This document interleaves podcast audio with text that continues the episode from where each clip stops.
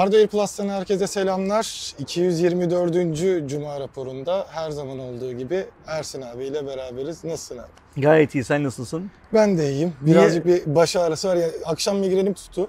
Sabaha kadar bir mide bulantısı falan. Alemcilikten değil yani. Yok değil. E, Onun etkisiyle biraz şeyim böyle ama yine iyiyim yani. Okey. Bu hafta bana şey geçti ne derler hızlı geçti. Yani evet. Biraz daha böyle niyeyse hani Mesela ben bugünün cuma olduğunu dün akşam arabada Doğuş'tan öğrendim. Ben bugünü perşembe zannediyordum. benim Doğuş yarın bir cuma dedi. şey oldu yani. e, büyük ihtimalle işte pazartesi günü e, etkinliğe gidince bir şey yapamadım. Haftayı ayarlayamadım, edemedim.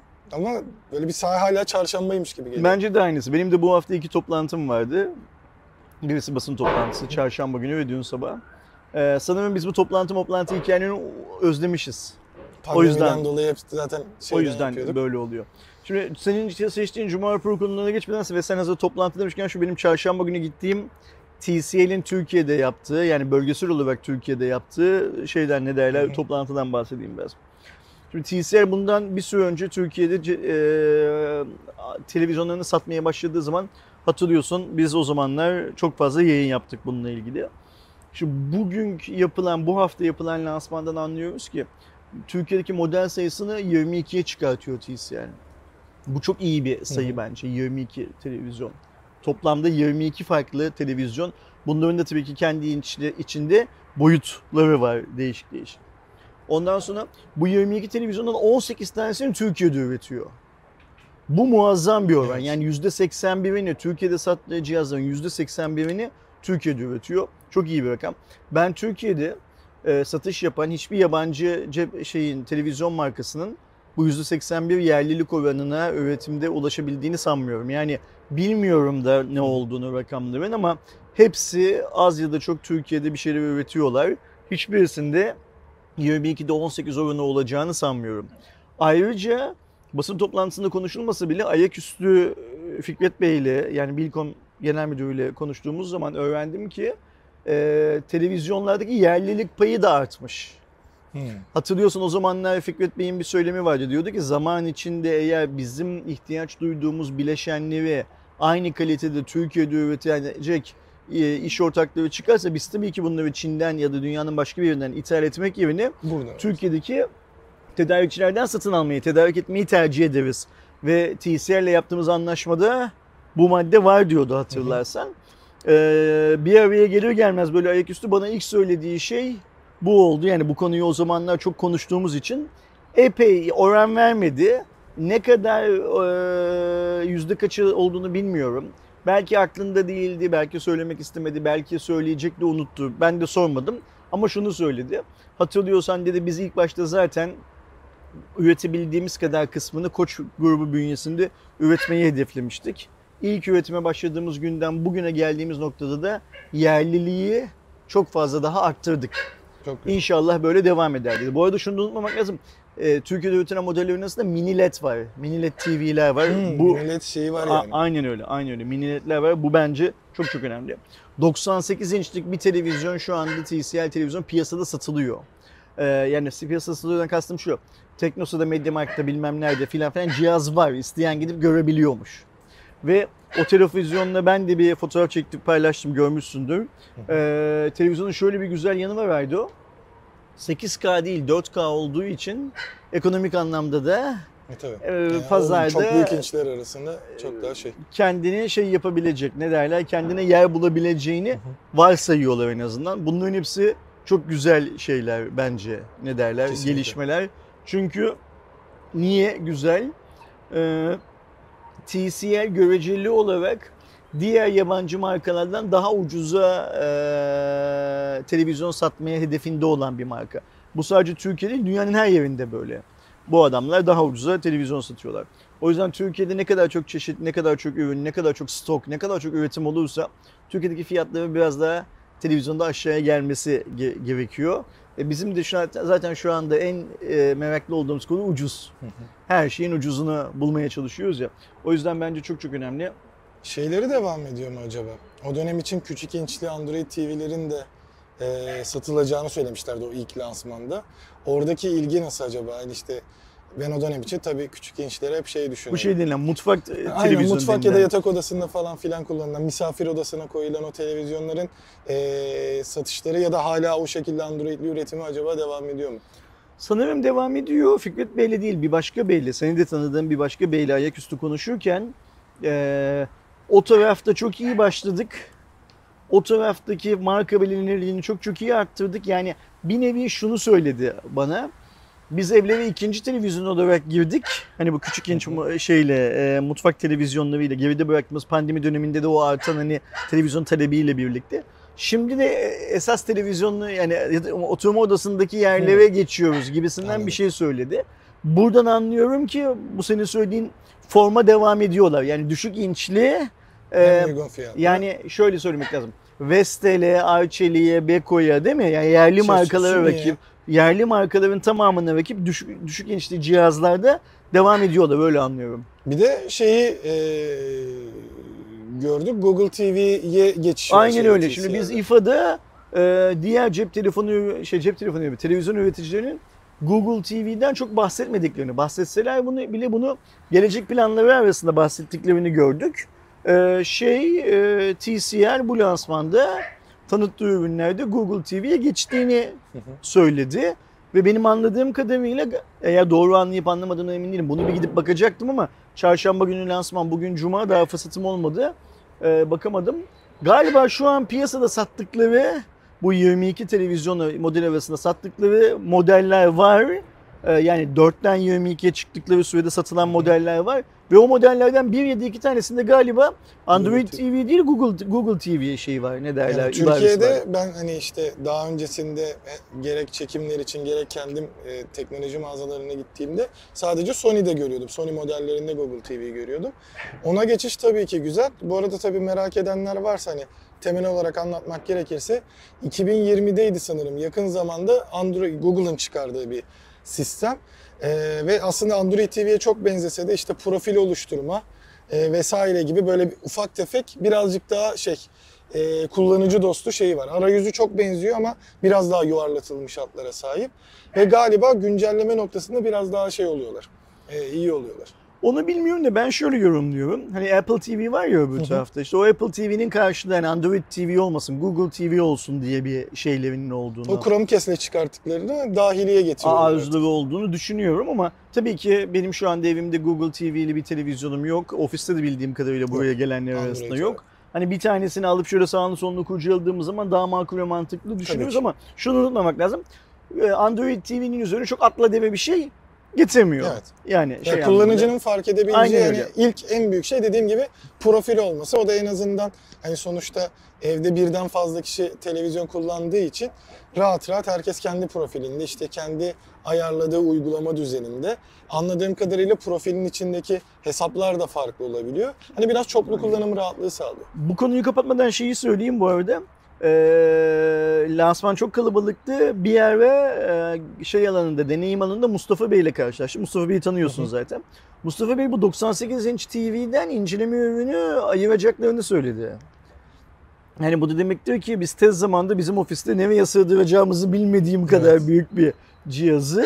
Çünkü biz buraya 84 inç falan geldiği zaman bile kutusundan çıkarma, bir yerlere koyma falan konusunda zorlandığımızı hatırlıyorum geçmişte. Ve kapıdan geçmemişti değil mi? Bak doğru söylüyor. Kapıdan sokamamıştık içeriye şeyi. Ve galiba 84 inçten daha yukarıda da televizyon henüz biz Hardware Plus'ta hiç şey yapmadık, görmedik yanlış hatırlamıyorsam. O yüzden hani e, sana müjde olarak da şeyi veriyorum. O 98 inç buraya gelecek artık bahçede mi kullanırız? Nerede kullanırız bilmiyorum. Baksana doğuş kapıdan geçmemişti diyor 84 bir için. şekilde alırız içeri artık.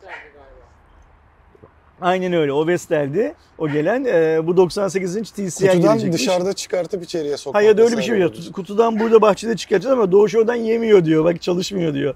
Buradan çok- Bakalım bir Dur şekilde bakalım bir gelsin görelim. Şimdi bu yıl senin şeylerinin notların varsa notlarına notların yoksa doğrudan Cuma raporuna bodoslama girelim. Direkt konuya girebiliriz. Gerçi bu sabah da e, Eren'le beraber Ersin abi onun e, uzun uzadıya videosunu çekti ama e, özellikle işte pandemi döneminde giren geçici süreli 2 aylıktı. E, pasaport kaydındaki geçici e kaydı resmen artık kaldırıldı. Kaldırıldı.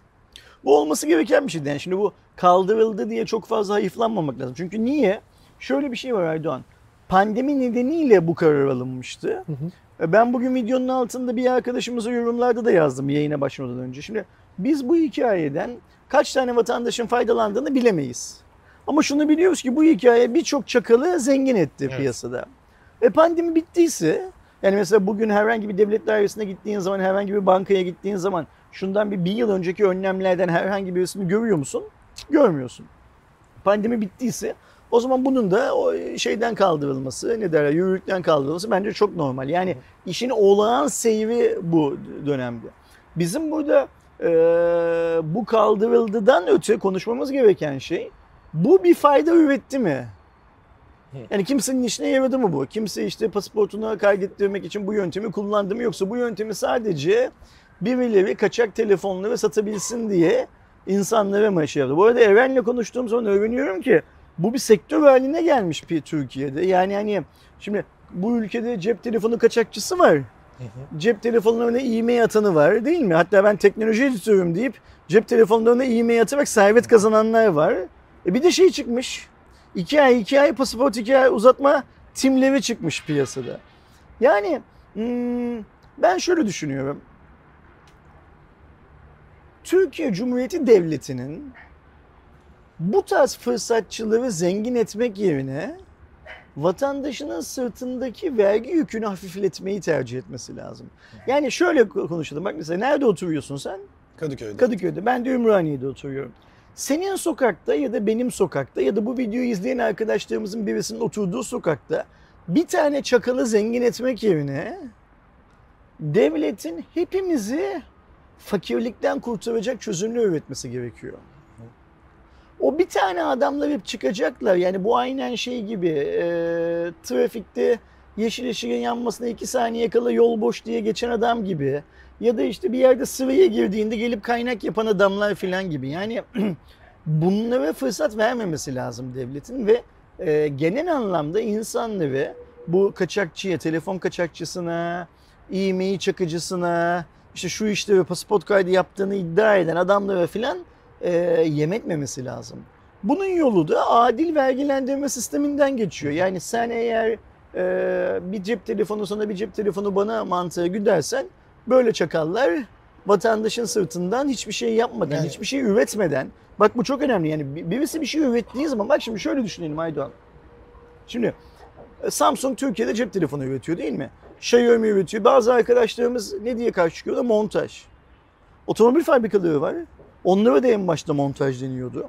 Türkiye'de yıllar önce sen belki hatırlamazsın eee, tekstil muazzam bir ihracat kalemiydi.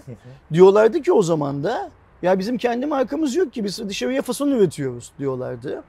Vestel yıllar boyu Türkiye'nin ihracat şampiyonu oldu.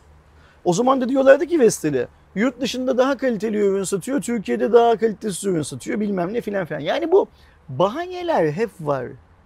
Ama eee, bu adamlar yani şu işte kaçakçısı, e-mail çakıcısı, pasaport işini halledildiğini hiçbir değer üretmiyor. İşin şeyi bu ne derler derdi bu. Bu adamlar bir değer üretiyor olsalar, yaptıkları işin bir finansal karşılığı olsa bütün ekonomiye faydası olacak. Ama sadece kendilerine faydalı bir iş yaptıkları için hiç kimse bunların yaptığı işten bir şey yaşayamıyor, gelir elde edemiyor. Bu kötü bir durum. Ve hükümetlerin, sadece Türkiye, tüm dünyadaki hükümetlerin bu tarz aksiyonlara karşı eyleme, eyleme geçmeleri gerekiyor. Nitekim geçiyorlar da. Bence Türk hükümetinin, Türkiye Cumhuriyeti Devleti'nin yapması gereken şeydi. Vatandaşın daha makul mantıklı rakamlara bir şeyler satın alabilmesi için topyekun bir vergi reformu yapması Evet lazım. kesinlikle. Zaten Yani hani bu sadece cep telefonu değil işte marketten aldığın üzüm içinde, e, ekmek içinde, bilmem ne içinde her şey. Çünkü şöyle bir şey var. Halk alamıyor artık. Fakir yani bakma hani işte ekonomimiz çok iyi bilmem ne filan filan diyorlar da e, ben hep şöyle söylüyorum ekonomimiz iyi diyen filan birisi karşı ne mutlu diyorum bu adamın ekonomisi iyiymiş benimki iyi değil diyorum. ya çünkü ne, ne mutlu bununki iyiymiş. e, şey durumu var hani bunu tam tersi şekilde zaten hani dediklerinde direkt o kapıya çıkıyor ama işte e, niye millet işte e-mail'i attırmaya şeye gidiyor hani e, tamam kendilerince zaten şey durum var da bunun bu kadar büyük sektör olmasının e, sebebi de düşünülmesi lazım tam A- a- dediğim gibi. aynen İnsanlar öyle. niye e, işte resmi olmayan bir şeyi falan filan yapmak ister ki hani? Tabii Ona ki. zorunda kalanlar çok daha fazla. İşte zaten. ekonomi yüzünden zorunda kalıyor Tam adam. olarak Yani bunun e, vergili olan yüksek fiyattan alamadığı için vergisiz olan kaçağını alıp kendince kullanmaya çalışıyor ve bunu bireysel olarak suçlayamazsın bu durumda. Mesela Kesinlikle. insanlar ben böyle konuştuğum zaman zannediyorlar ki bu şeyde de öyle. Hani ben bir e-mail kayıt hikaye, e-mail çakma hikayesini onaylamıyorum diye bir video çekmiştim ya orada da öyleydim. İnsanlar zannediyorlar ki ben bireysel olarak bunu yapan insanları itham altında bırakıyorum suçlu falan. Hayır öyle bir hikaye yok orada. Burada da kaç, bile bile kaçak telefon alan arkadaşlarımız var izleyenler arasında. İyi çaktıranlar var. Bu yöntemi kullanmak zorunda kalanlar var. Ne diyoruz? Zorunda kalanlar var. Evet. Hiç kimse keyfi Devletin- yapmıyor onu. Vatandaşı böyle yasa dışı yollara zorlamaması lazım. İşte anahtar kelime Aynen orada zaten. Yani vatandaşın aklına bir, bu fikirlerin gelmemesi lazım. Birisi çıkıp ben şu işi yapıyorum deyince ben sizin pasaportlarınıza iki ay, iki ay, iki ay, iki ay, bir yıl boyunca bu telefonu kullanacağınız, açacağınız yöntemle uyduruyorum deyince vatandaşın ya ne uğraşacağım benim bu alengirli işlerle ki 10 lira, 5 lira, 3 lira fazlasını veririm. İşimi hallediyorum zaten. Her zaman bu Aydoğan denilen adama muhtaç kalacağıma. İki, hani diyor ya garantisi benim gel diyor. İki gün sonra gittiğimiz zaman onun orada olup olmayacağını bilmediğimiz bir adamdan bahsediyoruz. Orada olsa bile gerçekten garanti e, ve- ve- vermeyeceğini bil- bilmediğimiz adamdan bahsediyoruz. Bu adamla yüz göz olacağıma veririm 3 lira 5 lira daha fazlasını yoluma bakarım diyecek hale getirmesi gerekiyor Önceden devletin. mesela şey diyen çoktu. İşte yeni bir telefon çıktığında yurt dışından alma imkanı varsa işte tanıdığı vesaire. Ya ne uğraşacağım diyordu işte burada bir yıl fazladan garantisi var vesaire falan filan. Şimdi o olay işte tamamen değişti. Nasıl yurt dışından getirtirim, Aynen nasıl o öyle. telefonu bulurum, alırım işte yemeği kayıt işi falan filan. Ayrıca bak bu yurt dışından getirme hikayesinde de çok önemli. Bence orada da şöyle düşünüyorum. Bence yolcu beraberinde yurt dışından gelen cihazların yani ticari amaçlı olmayanların Türkiye'deki sisteme kayıt edilmesi konusunda e, devletin kolaylık sağlaması lazım. Yani ne demeye çalışıyorum? Yekten söyleyeyim. E-mail kayıt ücretlerinin bu kadar yukarıda olmaması lazım. Bence daha aşağıda olması lazım. Şimdi sektördeki arkadaşlarım benim bana diyorlar ki Ersin bu noktada hata ediyorsun. Sen gidip bugün bir tane iPhone aldığın zaman yaklaşık %48'ini vergi olarak ödüyorsun. O adam yurt dışından iPhone'u getirdiği zaman 2500 lira, 2700 lira e-mail kaydı ödüyor sadece. Senin ödediğin paranın neredeyse 6'da birini 7'de birini ödüyor. Aslında onun da senin ödediğin kadar ödemesi lazım. Eğer vergide eşitlik diye bir durum söz konusuysa ki dünyadaki tüm devletlerin ana sloganlarından birisi de vergide eşitlik. O zaman bunun böyle olması lazım diyorlar. Ben de diyorum ki Türkiye'nin bu özel durumu, özel durumuyla cebimizde para olmama durumu yüzünden evet vergi değişikliği anlıyorum. Olması lazım. Buna da hemfikirim. Ama bunu yüksek vergiyi düşüremediği için buradaki maliyeti yükseltmekle uğraşmak yerine buradaki maliyeti düşük tutup vergiyi buna indirmesi lazım şeyin hükümetin. Kesinlikle. Ha şey yapabiliyor. Bunu işte bu sabah yayına aldığımız videoda da söyledim. Yani şimdi iki yılda bir bunu yapabiliyorsun. Ee, beş yılda bir bunu yapma izni verir sana. Şu anda getirdiğin cihazı sen kendi hattına takılı kullanabiliyorsun sadece. 3 yıl sonra satabiliyorsun. Ee, 10 yıl sonra satabileceğin koy. Yani devlet isterse onu sınırlandırır bir şekilde ve senden başkasının kullanmamasını sağlar. Hatta şunu bile yapar devlet isterse. Mesela bir adamın üzerinde 10 hat varsa öyle, öyle adam 10 tane getirdi kendi üstüne hatlarla beraber satıyor. Hatlardan birisi Ankara'da öbürü İzmir'de öbürü İstanbul'da öbürü bilmem nerede sinyalliyorsa ya gel bakalım sen bunu anlat diyebilmeli devlet. Şimdi Amerika'da vergi formunda ufacık bir yanlış yaptığın zaman ama bir yıl sonra ama iki yani beyannamende ama bir yıl sonra ama iki yıl sonra ama üç yıl sonra bir müfettiş seni ey Aydoğan efendi gel bakalım şurada bunu niye yaptın diye soruyor. Yani inceleme, denetim filan bunlar böyle sadece sözlükteki birer kelime olmamalı. Bunların yapılması lazım. O yüzden ba- bana öyle geliyor ki sadece Türk hükümeti değil. Dünyanın her yerindeki her devlet canı isterse, bu işe mesai harcamak isterse e, bu işlerin altından kalkabilecek şeye sahiptir. E, kuvvete, güce sahiptir. Ben Türkiye'de böyle biraz işte günü kurtarmak amaçlı önlemler alındığını, nitekim şu geçici pasaport kaydının da bence günü kurtarmak için zamanında alınan bir şey olduğunu, karar olduğunu filan düşünüyorum. Bitti, okey. Bitmesinden şu yönde mutluyum. Ee, o çakallar çocukların işleri iyi gitmeyecek. Şöyle üzgünüm eminim duyacağız ki o çakallara güvenip telefon alıp şimdi telefonla velilerinde patlayan bir yığın arkadaş çıkacak. Özellikle iPhone kullanıcıları arasında bilmem ne filan filan. Etme bulma dünyası. Herkes her yaptığı alışveriş kararında genel O anlamda herkes her kararında risklerin ne olduğunu bilerek karar almak zorunda. Ucuza aldın, bir yıl kullandın, bundan sonra kullanamayacaksın eğer.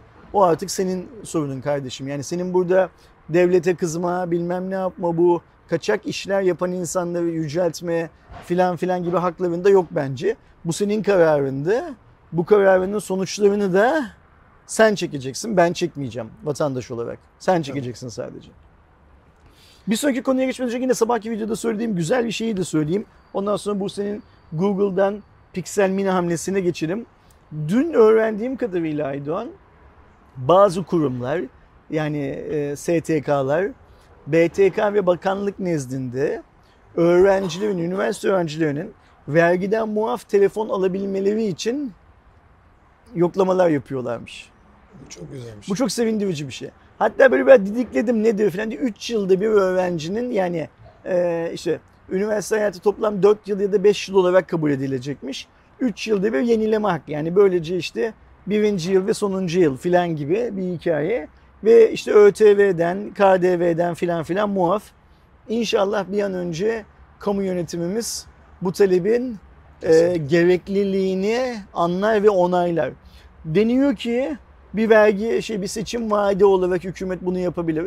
Yapsın da bence niçin yaparsa yapsın. Bu için çünkü bu ülkede hmm, cep telefonunu değiştiremeyen birçok üniversiteli kardeşimiz Bunu var. dizüstü bilgisayarlarına da Ha, yapmalı. keşke onu söyleyeceğim. Keşke e, tüm teknolojik cihazlara bunu aktirebilse. Hatta keşke bak dün bir iki tane ISP'deki arkadaşımla da telefonla konuştum. Bunu duyduktan sonra keşke internet servis sağlayıcılar da böyle bir şey yapabilseler. Yani Anadolu'nun ya da İstanbul'un herhangi bir yerinde 5 öğrenci bir eve doluşup e, okumaya çalışıyorlarsa o zaman onların da internet bağlantısından vergi almasın bence devlet. Bu devletimize şey yapmaz bence, sarsmaz bence. Hatta bunu daha da ileriye götürelim. Bu arkadaşların yaşadıkları evlerdeki elektrik, su, doğalgaz gibi giderlerinden de bence vergi alınmasın. Çok ciddiyim yani bu o kadar ucu açık ve o kadar bizi böyle güzelliklere götürecek bir opsiyon ki. Bu çocuklara çok ciddi söylüyorum bak Aydan. Market alışverişlerinde bile vergi muafiyeti getirilebilir bu çocuklara. Yani Yani düzenlenirse- market alışverişten kastım akşam gidip kafayı çekecekler hikayesi değil. Sigara hikayesi ama mesela marketlerde temel gıda anlamında yapacakları alışverişten, restoranlarda yiyecekleri yemekten filan filan filan yıl sonunda bir form doldurup harcamalarını kredi kartlarıyla hani fişi başkasından almama kredi kartlarıyla filan gösterip o parayın e, faiz şeyini vergisini devletten geriye alabilecekleri bir sistem bence kurulabilir. Evet. Ve bu o arkadaşlarımızın tamamı için can suyu olur. Hem onlar için hem aileleri için can suyu olur. Bunlar çok kolay yapılabilecek işler. Kesinlikle. Çok yapılırsa Hani çok güzel olacak işler. İşte suistimal edilmesin diye e, maksimum bir miktar belirlenir E tabii ki şimdi yani bir üniversite öğrencisi kalkıp yıl sonunda ben 1 milyon liralık yemek yedim diyorsa o da de vergisini versin Evet. yok. Yiyorsa da versin. Yiyen vardır mutlaka. Ona Tabii şeyimiz yok, itirazımız yok da. Şimdi yiyorsa, şimdi İstanbul'da öyle üniversitelerimiz var ki bizim gittiğin zaman girişi oto, lüks otomobil galerisi gibi. İçerideki restoranlardaki fiyatlar işte Bebek'teki, Suadiye'deki bilmem ne restoranlardaki fiyatlar gibi. E buradaki kardeşlerimize de e, bu imkan tamamen tanınmayacak tabii ki. Bu çok normal bir hikaye ama söylemeye çalıştığım şey çok basit. Yani iki öğrencinin, üç öğrencinin, bir öğrencinin okumak için hmm, ana evinden, baba evinden ayrıldığı durumlarda bu çocukların devlet elinden tutmalı ve daha okurken tutmalı. İşte bak ne güzel birileri düşünmüş. Demiş ki cep telefonları için biz derdimizi BTK'ya anlatalım, Ticaret Bakanlığı'na anlatalım. Buradaki vergi yükünü alalım. Keşke işte Türkiye'deki bu bilişim endüstrisinin en büyük STK'sı hangisiyse o da hemen harekete geçse. Bunun içine laptopları da koyalım, masaüstü bilgisayarlarını da koyalım bilmem ne filan filan dese. ISP ile şimdi mesela şöyle düşünelim Aydoğan. Türk Telekom değil mi? Tü- Türkiye'nin en büyük şirketlerinden birisi. Turkcell. Türkiye'nin yani sadece teknoloji, telekom anlamda, genel anlamda mesela Türkiye'nin ilk 100 şirketine baksak hatta ilk 50'ye baksak mutlaka Türk Telekom ve Turkcell'i görürüz değil mi? Şu Türk Telekom, diğer operatörlere girmiyorum. TürkNet'e falan şundan girmiyorum. Niye girmediğimi söylüyorum. Bu iki operatörün toplam abone sayısı içinde bence öğrenciler yani baba evinde yaşamayan öğrenciler yüzde bir abone bile tutmuyordur toplamda. Bu yüzde bir aboneye bir kolaylık sağlanabilir. Bu çok zor bir şey değil. Ve bu kolaylığın ne olduğunun hiçbir önemi yok biliyor musun? Hiçbir önemi yok. Yani vergiyi azaltabilir. Sıfırlama vergiyi azalt abi. Ya özel tarife çıksın mesela. Aynen öyle. BTK bunları desin ki özel tarife çıkartıyorum. Bu tarifeler vergiden muaf olacak desin değil mi? Bak ben şurada otururken bile neler çıkıyor. Bak ve bunların hiçbirisinde daha topu e, kapital sahiplerine atmadık. Yani bak neye atmadık? Turkcell'e, Türk Telekom'a, Oppo'ya, Xiaomi'ye, Samsung'a değil mi? Onların hiçbirisini atmadık. Devlet isterse topun bir kısmını, çok küçük bir kısmını da onlara atarak daha da büyük indirimler de yapılmasını sağlayabilir. Tabii ki. Yapama yapılamayacak şey mi? Ha diyebiliriz ki ya Ersin bunlar e, serbest pazar ekonomisine uzun vadede çok zarar verecek olan eylemler. Devlet eliyle böyle şeylerin yapılması ekonomi felsefesi, ekonomi mantığı anlamında, liberal ekonomi mantığı anlamında çok tercih edilen ve alkışlanan hareketler değil. Sen ağzından çıkanların sonunun nereye gidebileceğini tahmin ediyor musun diye mesela bana böyle bir şeyler söylüyor. Ben de onlara derim ki arkadaşlar şu an geldiğimiz noktaya bakın. Şu an geldiğimiz nokta işte bırakınız yapsınlar, bırakınız etsinler. Serbest piyasa, liberal ekonomi bilmem ne filan noktasının sonundayız şu anda. Yani herkes kendi parasını kazanmaya çalışırken herkesten kastım hem kapital sahipleri hem kamu yönetimi hem devlet. Kendi parası nedir? O satacak, kar edecek. Bu devlet de o satıldığı zaman oradan vergi alacak, kar edecek. Peşinde koşarken ezilen biz oluyoruz. Doğru. Arada çarkların arasında un ufak olan biz oluyoruz. Bu çocuklar oluyor, bu öğrenciler oluyor. O yüzden evet söylediğim şeylerin e, genel ekonomik perspektif açısından e, zararlar teşkil edebileceğinin farkındayım. Ama Türkiye'de bir geçiş döneminde arkadaşlar bakın daha bir yıl olmadı. Biz bu dolar denilen şeyin 10 lira olur mu olmaz mı diye konuştuğumuz günden bugüne bir yıl olmadı da şu an 18 lira. Evet. Ve doların ilk 10 lirayı vurduğu, gördüğü günün birinci yıl dönümünde keşke hala 18 lirada kalacağının garantisi olsa elimizin altında. Aşağı da düşse ne mutlu, çok seviniriz. Ama bunun yukarıya çıkma ihtimali hala var.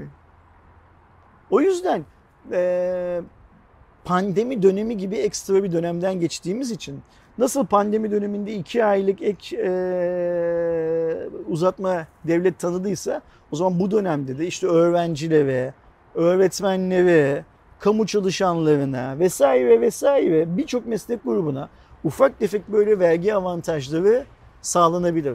En azından hep bizim o doblolu çakalların para kazanmadığını, devlet eliyle başka segmentlerde yaşayan insanların da azıcık tasarruf edebildiğini görmüş oluruz en azından. Umarım. Yani ne güzel olur da görür müyüz? Yani şey Her, her şey çok güzel olacak diyelim Aydoğan ve her şeyin çok güzel olacağı günleri bekleyelim. Yani gördüğümüzde en azından böyle böyle geçti gitti diye söyleyebiliriz. Bir diğer haberi bize geldiğimizde e, Google'ın zaten bildiğiniz gibi 6.7 inçlik Pro, 6.4 inçlik düz, bir de A olarak geçen 6.1 inçlik modelleri oluyor. Şimdi ise e, yeniden bir e, birçok markada ufak tefek mini furyası başladığı için e, Google'ın da buna adım atması bekleniyor. Hani birçok marka mini olarak göstermese de örneğin e, Xiaomi 12'ye baktığımızda işte düz modeli tek elle kullanılabilir formda vesaire bir durumu oluyor Pro modeline nazaran. Birçok markada da bu durumu görüyoruz. Yeniden bir oraya e, geçiş var gibi çünkü beklentiler de e, işte 5.5 inçlik bir ekranla vesaire bu Pixel 7 ailesi tanıtıldıktan sonra bir mini serisini ya da mini modelini görebileceğimizi Şimdi burada şöyle bir şey var. Hazır Apple'da miniden çıkmışken Evet. yani o, o segment biraz daha boşalmışken Google'a verdi bir şansımı deneyeyim diyor. Ben ya tutarsa diyor. Yani bu şey gibi bence. Hocanın Nasrettin Hoca'nın gölü mayalaması gibi. Çünkü şunu unutmamak lazım. Apple her ne kadar miniden çıksa da Apple miniden çok iyi para vurdu. Ve Apple'ın bir daha miniye dönmeyeceğim diye bir söylemi de yok ayrıca. ben şey bekliyorum işte yeni SE mini olacak zaten. Aynen öyle. O yüzden eee, iyi bir para kazanma yöntemi olarak Google bunu görüyor olabilir. Yani birçok Türkiye'de- markada da tekrar bir hareketlilik olur mu diye hani ufak tefek var ama mini adıyla e, yok. Burada zaten Pixel mini adıyla o miniyi vurgulanacağı da söylentiler Biz arasında ama Türkiye'de şey modundayız. Gelsin de minisi mi geliyor, maxisi mi geliyor, neyi geliyor? Gelsin bir fiyat görelim modundayız sadece. kesinlikle yani en azından bu Pixel 7 ile beraber görür müyüz? E, o daha önce Cuma raporlarında so- konuştuğumuz e, Google'ın şeylerine bakacak olursak.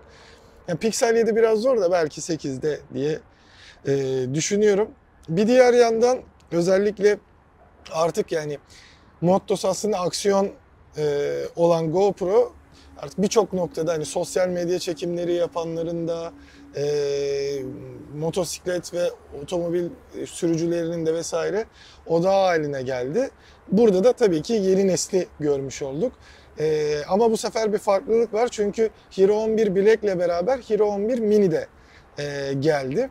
Hero 11 Black'e baktığımızda e, 500 dolarlık bir fiyatı var. Bir de GoPro abonelik sistemi var. Orada bir indirim de alabiliyorsunuz. Ama e, Black'in özelliklerine baktığımızda 5.3K'da e, 60 FPS, 4K'da 120 FPS yani artık 4K'da e, ağır çekim e, çekimler de yapabiliyorsunuz. E, Full HD'de 240 FPS'e varan çekimler e, destekliyor. 10 binlik bir e, renk desteği var ve bir e, bölü 1,9 inçlik bir sensör kullanıyor. Sabitlemede Hyper Smooth, Smooth 5.0'a geçti ve zaten hani bu noktada özellikle e, DJI ile vesaire çekiştiğini çok görüyorduk. Artık gerçekten hani inanılmaz derecede sabit ve ağır çekimlerde de kullanabileceğiniz bir sistem var. 360 derecelik bir görüş kilidi geldi. Tabii ki hani dokunmatik ekranda da daha hassas ve daha rahat kullanışlı e, çekimler sizlere sağlıyor ve enduro batarya özelliğine sahip. Bu aslında bir- birçok şeyde de yani benim anladığım kadarıyla işte akıllı telefon üreticilerinde falan da beklediğimiz hem darbe hem de daha uzun e, ömürlülük konusunda bir e, batarya sistemini sağlıyor. Çünkü işte hani asıl amacı işte aksiyon olduğu için suya girme çıkma işte vadiden atlarken falan filan kullanmalarda olacak ve sadece 154 gram ağırlığında. Bir de bunun e, mini bilek versiyonu var ve genel olarak baktığımızda aslında e, çekim e, desteği ve Hypersmooth vesaire gibi durumlarda iyi bir seçenek sunarken 130 133 gram ağırlığında ve çok daha küçük bir e, sisteme geçiyor GoPro. Aradaki fiyat farkı ne kadar Erdoğan? E, 100 dolar. 100 dolar. Sence 100 dolar daha az ve mini almak mantıklı mı? Yani tabii ki şu anda ilk sunumları gördüğümüzde evet birçok noktada hatta böyle yine e, bizim gibi birazcık da ekonomik olsun ama e, işte yeni de almış olayım diye mesela bir dönemde işte e, nasıl biz zamanında iPhone 11 ile iPhone 8 e, tercih edilme gördüğümüz için e, 7 Silver da çok fazla alınıyordu burada. Çünkü hani istedikleri şeyi verebiliyordu ve uygun fiyatlıydı. Burada o tercih noktasında birçok yerde mini tercihini görebiliriz. Öyle mi? Hem Mesela bilek kadar iyi Biz çekim yapabilen. bizim ofiste işte Adventure İstanbul'a ya da Hardware Plus'a fark etmez. Alacak olsak sence miniyi tercih eder miyiz? Bence bu noktalarda Öyle mi? evet miniyi tercih Okey, eden tamam. çok olacaktır. Hani sadece bildiğim kadarıyla enduro batarya özelliği vesaire yok orada ve çıkarılamayan bir bataryası var e, minide. Yani sürekli Hı hı. kendin şarj etmen gerekiyor. Hani bu standartlarda "Aa, benim için sorun olmaz diyen birçok kişi şey olacaktır ama sürekli çekim yapan biri ve batarya değiştirmek Şimdi isterse batarya değişimi bu cihazlarda şöyle önemli. Mutlaka yedek bataryan olduğu için çekim ara vermeden aynen. E, biteni şarja takıp doluyu makineye takıp devam Bir edebiliyorsun. yüksek kaliteli çekim yapmak Yüksek kaliteli çekim yap- yapıyorsun. Ama ben 1080 çekerim, sabit olsun ve güzel olsun dediğinde Gömülü bataryalarda böyle bir şansın yok. Çekime mutlaka ara vermek para vermek gerekiyor. durumundasın. Ya da ona göre planlaman gerekiyor. Çok Özür dilerim hep birlikte. E, Google kanadına geldiğimizde biz bunu daha önce konuşmuştuk böyle bir e, mevzunun olduğu ama bu sefer de onanmış oldu e, Google'ın cezası. Temmuz 18'de 2018'de verilen ilk kararda 4,34 milyar avroluk para cezası e, 4,12 milyar avroya indirilmişti ama şu anda e, Avrupa Birliği'nin verdiği en büyük ceza olarak Google'a bu onanmış e, oldu. Tabii ki Yani 200 milyon dolar indirdiler cezayı. Hı hı. Ama 4 milyar dolar bunu unutmamak lazım. Milyar. çok ciddi oranda bir e, paradan bahsediyor ve Google bunu artık e, ödemesi gerekecek yani. Tabii ki yine itiraz Şimdi- yolları vardır kendi içinde de. Şimdi itiraz yolları vardı da burada önemli olan şey şu Arzu. Arzu dedim sana kusura kız kardeşim İzmir'den geldiler ya. O yüzden şey yaptım. Ee, 2018'de verildi bu ceza. 4 yıllık görüşmeler sonunda iğne iğne 200 milyon dolar indi. Yani şimdi insan gelsin 200 milyon dolar bir çekirdek parasıymış gibi söylüyorsun diyecekler ama ceza 4 milyar dolar olunca 200 milyon dolar evet çekirdek parası olarak kalıyor yanında. Yani bu saatten sonra nereye başvurulursa başvurulsun bu cezanın silinmesi ya da burada çok büyük indirimler olması falan mümkün değil bence. Burada şey aklıma geliyor Aydan hatırlıyor musun? Biz de Cuma raporunda eee rekabet kurumunun Google'a verdiği bir cezadan bahsetmiştik. Mesela tahsil ettik mi acaba o cezayı? Ne oldu? Hiç bilmiyorum. Yani Değil mi? Neydi? Google tekel oluşturuyordu. Rekabete aykırı davranıyordu. hı. Sonu ne, konu neydi? Yandex şikayette bulunmuştu. zaten Avrupa Birliği ile benzer durum. Hı hı. Hani çünkü bu 2018'de gö- davanın açılmasının sebebi de Google'ın Android e, lisansı noktasında belli başlı Google uygulamalarını e, zorunlu halde kullanmasını istemesiydi markalardan ya da buna diretmesiydi. Bununla alakalı çıkmıştı ve evet burada işte arama motoru seçeneği e, varsayılan olarak gelen hani marka ile anlaşım mesela Xiaomi'de e, Global ROM'da mesajlaşma uygulamasını, kişiler uygulamasını vesaire Google'ın kendisini kullandığını görüyoruz arama uygulamasını falan ama o Xiaomi ile Google arasında yapılan bir şey. Mesela Samsung'da da e, çok ciddi anlaşmaları var Google'ın ama Samsung kendi şeylerini kullanıyor.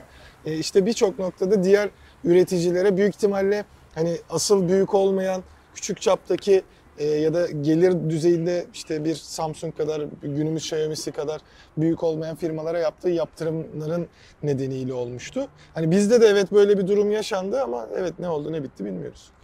Keşke ondan da haber alsak. Ya da bu tarz şeyler açıklansa hani ödeme yapıldı. Gerçi yapılmadı ekstra bir ceza geldi o süreyi aştılar falan Keşke gibi. bilsek, keşke. Gelelim yine birkaç haftadır konuşamadığımız TOG konusuna. Galiba iki haftadır falan hiç TOG'la alakalı bir şey geçmiyordu.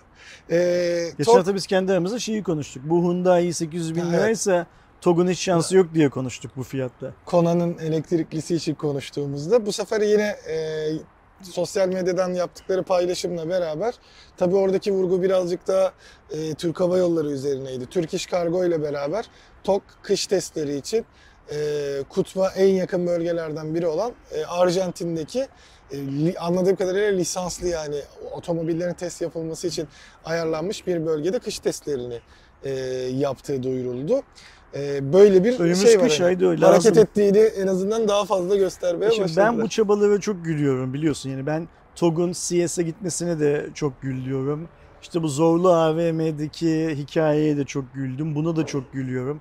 TOG'un çok parası var benim anladığım kadarıyla ve bu paraları bir yere bir yerlere kanalize etmekle görevlendirilmiş gibi davranıyor. Ben böyle anlıyorum bu işlerden. Şimdi biz bugüne kadar hiç mesela hmm, dünyanın lider otomotiv üretici, otomobil üreticilerinden herhangi birisinin kış testi için Arjantin araba gönderdiğini gö- duyduk mu, okuduk mu?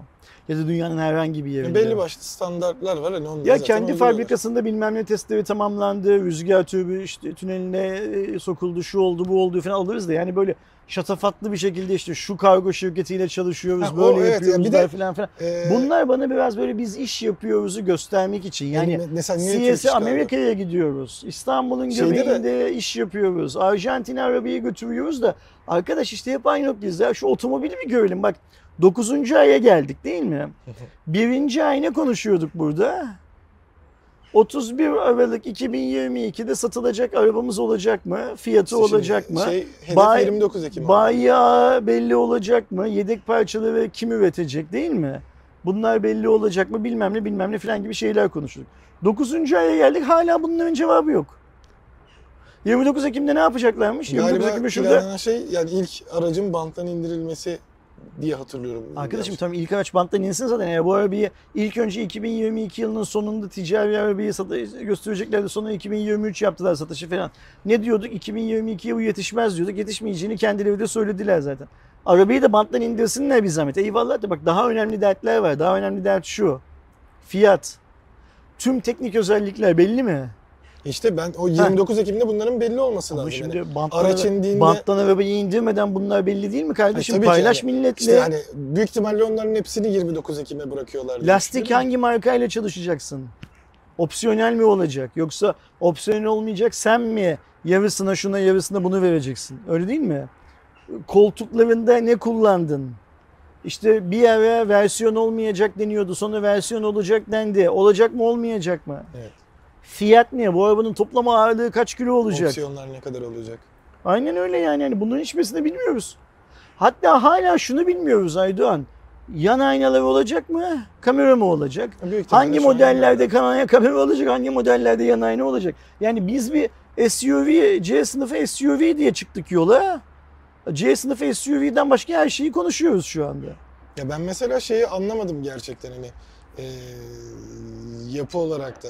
CES'teki standta da oraya o ara prototip aracı Türk İş Kargo ile geldiği gösterilmişti. Burada da işte Türk İş Kargo vurgusu yapılıyor da hani zaten işte devlet destekli bir eee, ürün yapıyorken ben senin Lufthansa'yı, Katar Airways'i Ya kullanmanı onu bunu beklemem bak, zaten. Türkiye'den bir yere bir şey götürürsen Türk İş Kargo ile götüreceksin tabii ki. Yani. Başka kimle götüreceksin ki? Yani.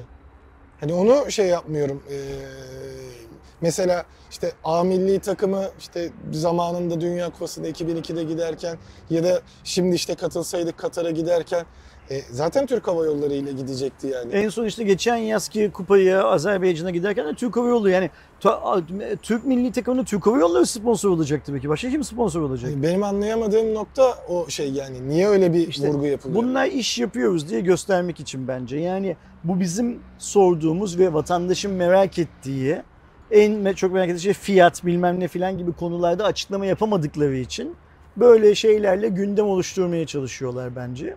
Şey 29 Ekim'de banttan arabayı indirecekler ya. indirdikleri gün de bence bu sorulara cevap vermiş olmayacaklar.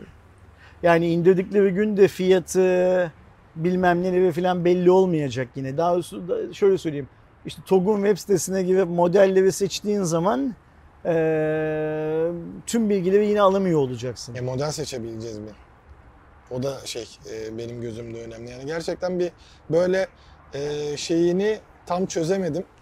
E, ama 29 Ekim'de umarım e, o beklediğimiz bütün bilgiler çıkar yani insanlar işte satın almak istediğinde Eğer şey bu araba önümüzdeki yıl gerçekten satılacaksa, bak bu yılı geçtik bize ilk söylenen şey bu yıldı ya, bu yılın. Bu yılı geç- önümüzdeki yıl satılacaksa eee, şu konuştuğumuz detayların hepsinin bugünden biliniyor olması lazım.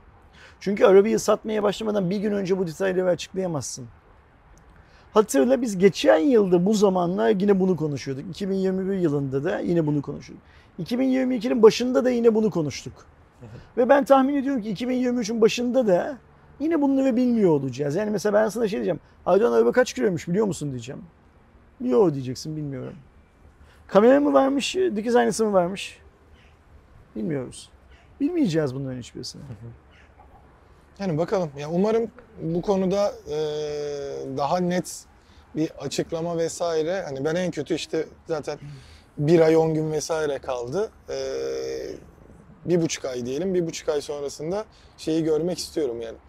Artık ne Ne geldiyse başımıza bu vatan millet Sakarya hikayesinden geldi. Kendi kendimizi Türk olmanın PR'ını yapmaktan öteye gidemiyoruz ne yazık ki.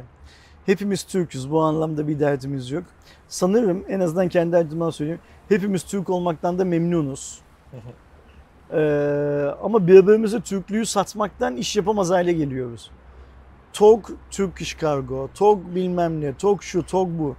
Boş işler bunlar. Ortaya bir arabayı çıkartın onu görelim. Bence de yani en kötü şey mi olacak mesela? Bak dolar 7 lirayken diyorduk ki bu otomobilin kaç dolara satılacağı bugünden bellidir. Değil mi? Yani Ta o zamanlar, sonuçta. ta o zamanlar Şu kadar bellidir. dolara Aynen öyle. istiyoruz derler. Açıklayın. Açıklamadılar.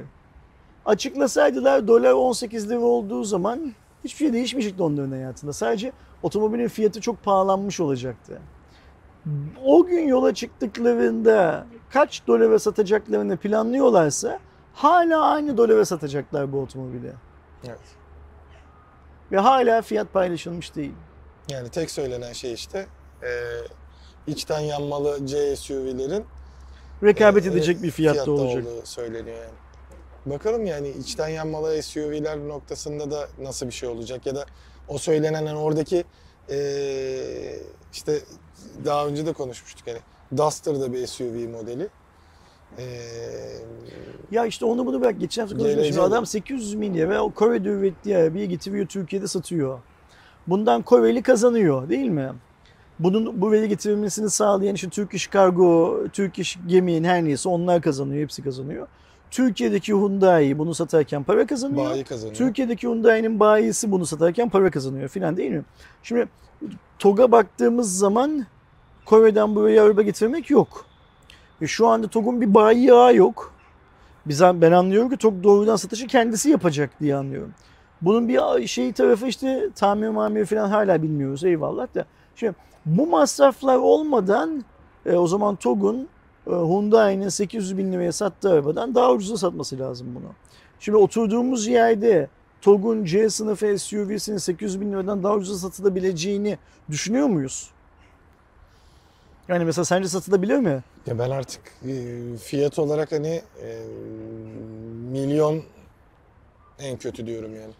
Benim başından beri milyon yani milyon bir lira bile olsa milyonun üstünde olacak. Ya da 999 bin. Ya Yaparlar değil mi? 9 bin falan belki. Çok hani iyi, beklentim çok o süper. yönde.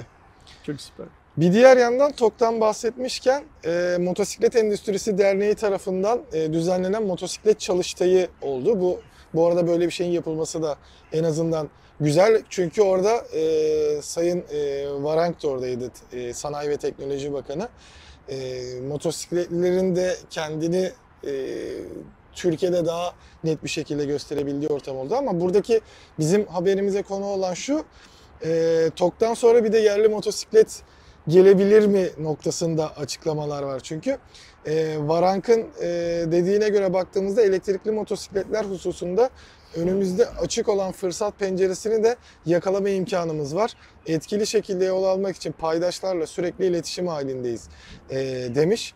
E, sizlere bu bir müjdeyi de paylaşmak istiyorum. Yılbaşında tedarikçi geliştirme dijital platformu projesini hayata geçireceğiz. Şu anda otomotiv sektöründe büyük işletmelerin yer- e, yerleştirmeye ihtiyaç duyduğu ürünleri tespit etmek, bu ürünleri üretecek kobileri eşleştirmek e, bizim e, vasıtamızla oluyor. Dijital tedarikçi platformu projesiyle büyük işletmelerle kobilerin ortak hale gelebileceği e, konusunu bahsetmiş. E, bir firmanın da elektrikli aracı geliştirme prototipi hazır diye söylemiş. Şehir içi ulaşımlarda dengeli güvenli, çevreci ve uzun bakım aralığına sahip düşük e, maliyetli otomobil konforuna yakın ama motosiklet esnekliğine de yakın bir elektrikli mobility aracıdan da bahsedilmiş. Şimdi bu haberden sonra hemen şeyi söyleyeyim. Honda da 2025 yılına kadar dünyada 10 yeni elektrikli motosikleti piyasaya sürmeye planlıyor. Yani 2022'deyiz. Önümüzdeki 3 yıl içerisinde BMW'nin artık 3 tanıtıldı. yıl değil 2 yıl 4 ay içerisinde 10 yeni elektrikli model sunulacakmış. Şimdi biz Gürcan Bey'in TOG CEO'sunun zaten otomobilden başka e, araçlar üretebileceklerini duymuştuk daha önce. Eğer burada bir know-how varsa yani TOG bugüne kadar yaptığı çalışmalarda bir bilgi birikimi elde ettiyse TOG üretsin o zaman şeydi otomobil Yani mesela hatırlıyorum e, en son katıldığım Kamunun kaynaklarını defalarca aynı işte. Amerika'yı 50 kere keşfetmek zorunda değiliz ki. Tabii bir kere ki. keşfettiysek yeter bizim için. ya hepsiyle Yapamadı mı TOG? Bu know-how'ı daha biriktiremedi mi? İşte- Ee, Çalışıyor o kadar zamanda. O e, Amin'in yeni çıktığı zaman Citroen Amin'in mesela bir soru gitmişti Gürcan Bey'e. Hani böyle bir e, şehir içi kullanım vesaire versiyonlar e, ya da işte farklı bir marka ile bile olsa şey olabilir mi? Yani e, istek ve standartları takip ederek hani e, elektrikli araç konseptinde birçok farklı şey e, planımız da var diyordu hani. Bunları da e, gerekirse değerlendirebiliriz diye söylemişti. Ben Gürcan Bey'in söylemlerinden şunu anlıyorum. Biz yakında yalan bunu görmek zorunda değiliz ama TOG'un sabit disk ürettiğini, bir laptop ürettiğini filan filan her şeyi görebiliriz. Gürcan Bey çünkü bu tarz açıklamalar yapıyor. Yani Gürcan Bey'in yaptığı açıklamalardan TOG'un bu tarz şeyler de üretebileceğinin sinyallerini alıyorum ben. Ya da ben yanlış sinyal alıyorum bilmiyorum. Ama burada şöyle bir hikaye var. Eğer TOG e, Türkiye'nin yerli ve milli otomobil markası olacaksa TOG'a bir yere yatırım yaptık. Bak yine söyleyelim. Senin ve benim cebimden çıkan paralar da TOG'a gitti bir şekilde. O zaman o motosikleti de bunlar yapsınlar öncelikli olarak. Yani burada şunu söylemiyorum. Özel teşebbüs bu işlere girmesin. Şimdi mesela Sayın Bakan'ın söylediğini anlıyoruz ki hazır bir şeyler çalışan şirketler var. Onlar girmesin demiyoruz. Demiyorum. Ama TOG'daki bilgi birikiminden ya onların faydalanması sağlansın ya da eğer Türkiye'de böyle bir motosiklet üretmek gibi bir arzumuz varsa, scooter üretmek gibi bir arzumuz, senin söylediğin gibi şehir içinde daha kompakt bir ulaşım aracı üretmek gibi bir arzumuz varsa bu işlerde de TOG hep bizim referansımız olsun o zaman. Eğer TOG çok başarılıysa teknolojik anlamda hmm, dünya standartlarında ürünler ortaya çıkartabilecek kıvama geldiyse o zaman lütfen bu bilgi birikiminden Türk insanını şey yapmasınlar, mahrum bırakmasınlar. Yani kesinlikle. İleride görür müyüz? Bilemiyorum. Ben bu şey hikayesinden, otomo, şey, motosiklet hikayesinden çok fazla bir şey anlamadım. Ben bu haberi bir iki farklı kaynaktan anlamadığım için okuduğum, okudum, ajansın geçtiği metne baktım filan filan. Bana şey gibi geliyor.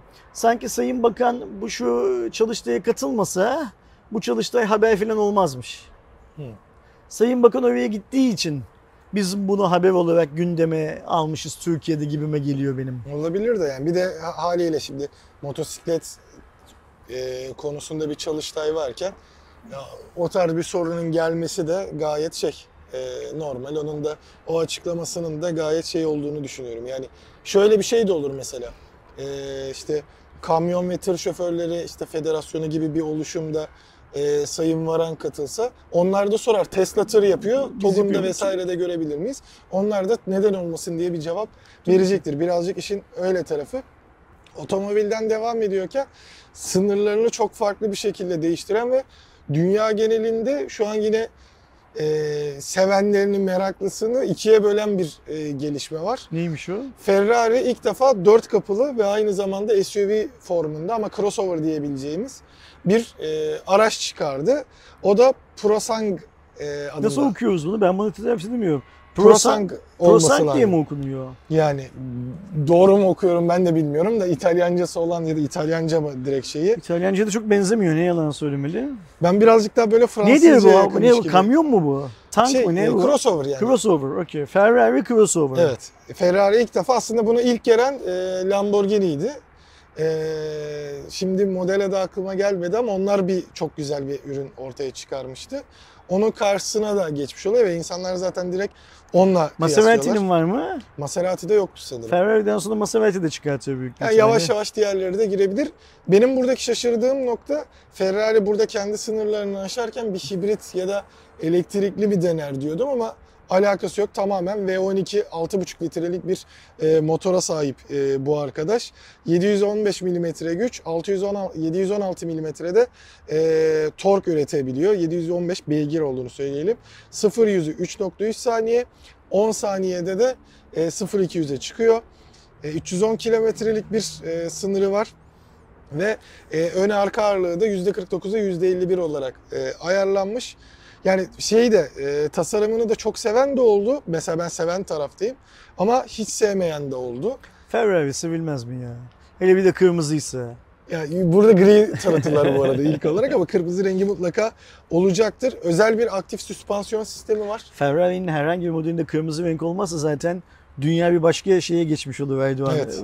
Evvene ge- Ama son dönemde şey yaptığını olur. görüyoruz. Böyle farklı renkler e, ortaya çıkardığını görüyoruz. Araç birazcık e, Roma üzerinden geliştirilmiş. Ferrari Roma üzerinden.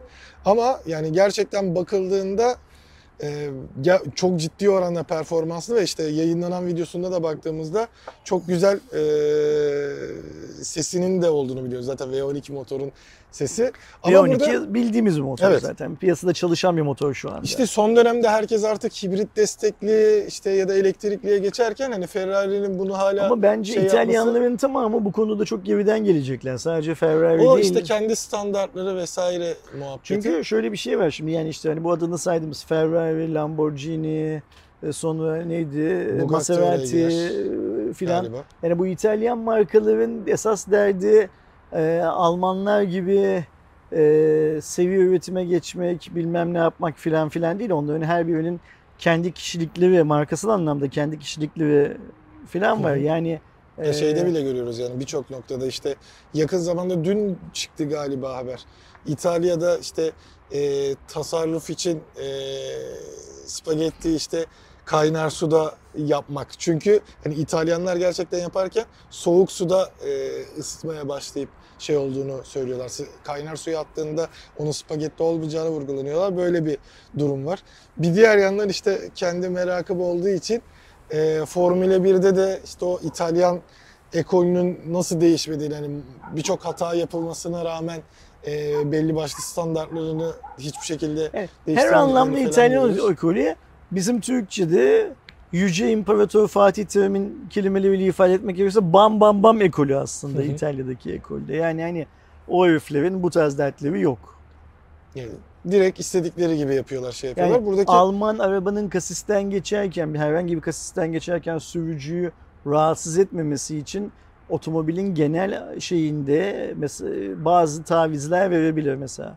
İtalyan bunu Yani vermiyor. zamanında mesela şeyin de işte Enzo Ferrari'nin de şey sözü var hani aerodinami iyi motor üretemeyen içindir ama şimdi tabii aerodinamiye çok dikkat verdikleri görülüyor. Zaten şey bile öyle. Ferrari markasının doğuşu bile aslında bazı şeylerden taviz vermemek, bazı şeyleri kendi bildiği gibi yapmak üzerine kurulu olduğu için yani o yüzden o şeyi elektrikli motorlar falan konusunda ben İtalyanları hep şeyde göreceğiz. En sonda göreceğiz büyük bir ihtimal. Yani iş olgunlaşacak, bilmem ne olacak filan filan.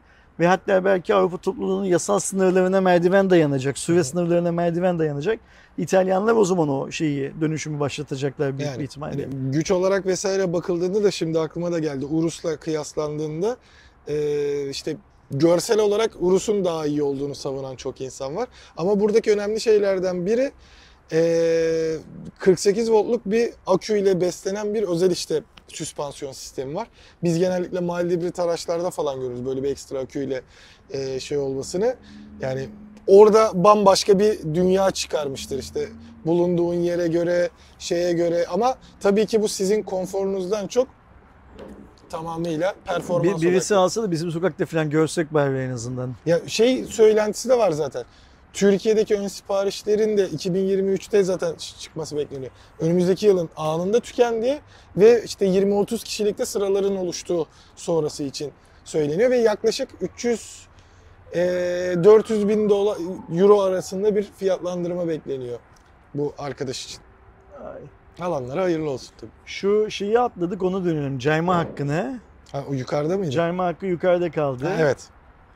Cayma hakkı ertelendi. Onu da Evet. haberi de ben vereyim. Neydi o cayma hakkı? Bundan kısa bir süre önce galiba bir ay önce filan Evet. 1 Ekim tarihi itibariyle aralarında cep telefonunun da olduğu teknolojik Tablet. cihazlarda e, elektronik alışveriş yaptığınızda evinize gelen cihazı kutusunu açmış olma açmamış bile Evet. olsanız geri iade etme hakkınız elinizden alınmıştı. Hı hı. 1 Ekim tarihiyle bu girecekti. Aynen. Ve biz haberi burada verirken şöyle verdik haberi. Bu dedik vatandaşın ha- e, haklarının bir şekilde elinden alınmasıdır dedik. Hı hı. Gasp edilmesidir dedik. Büyük bir ihtimalle bu e, baronlar e, yani elektronik ticaret sitesi sahipleri hükümete böyle böyle bir konuda kulis yaptılar ve bu konu kesinlikle iptal edilir, ertelenir diye de haberi bitirmiştik hatırlarsan. Şimdi geldiğimiz noktada 1 Ekim'de uygulamaya girmesi planlanan kanun 1 Ocak 2024'de ertelendi anladığım Yani kadarıyla. Bir, bir, bir buçuk yıl değil de işte bir yıl, Bir iki, yıl üç ay. Ve bu süre zarfında da büyük bir ihtimalle biz bu kanunun iptal edildiğini göreceğiz. Bu kanun uygulamaya girmeyecek. Çünkü bu kanun e, vatandaşın aleyhine bir e, şey düzenleme. E, dünyanın çoğu ülkesinde olmayan bir düzenleme. Hatırlarsan bu cayma hakkı hikayesi konuşulduğundan sonra ben bütün büyük elektronik ticaret sitelerindeki muhataplarımıza siz ne planlıyorsunuz gelin bize anlatın biz size gelelim anlatalım filan diye çağrılarda bulundum. Hatta o çağrıyı buradan da yaptım Cuma raporunda. Hani benim ulaşamadığım ve izleyen birisi varsa bu konuyla ilgili konuşabilecek gelsin konuşsun. Biz gidelim anlatsın bize ne olduğunu diye. Ee, bunun gitmeyeceği belliydi. Nitekim uygulamaya. Çünkü uygulamaya girse çok büyük sorunlara neden olacaktı bu. Yani Evet. uygulamaya girsin uygulamaya girdikten sonra iptal edilecekti zaten ve arada bir yığın mağdur, çözülmesi gereken bir yığın dosya ortaya çıkacaktı. Ee, iptal edilmesi, ertelenmesi süper oldu. İptal haberini de inşallah tez zamanda görürüz. Bu arada duyarız. Bu arada şöyle bir şey var. Bu konuyla ilgili anladığım kadarıyla, öğrendiğim bile diyemiyorum. Anladığım kadarıyla Sayın Bakan'ın çok büyük şeyi varmış. Ee, nasıl söylemek lazım? Önem veriyormuş bu konuya. Yani bunun hayata geçmemesi anlamında ee, çok dikkat çekmiş bakanlık içindeki ilgili departmanlara. O yüzden eğer bu duyduğum şey, anlayabildiğim şey doğru ise Sayın Bakan'a da, Ticaret Bakanı'na da çok teşekkür edelim. Ee, ve bir an önce de şu e, düzenlemenin tamamen iptal edildiğini haberini beklediğimizi, Umarım. içimizin daha rahat edeceğini de e, ekleyelim. Çünkü bu gerçekten şeydi. Son kullanıcının, tüketicinin elinden birçok hakkı alan bir durumdu. Ee, bence normal mağazalardan yapılan satışlarda bile tüketicinin bu hakka sahip olması gerekiyor. Yani mesela mağazadan gittin telefon aldın.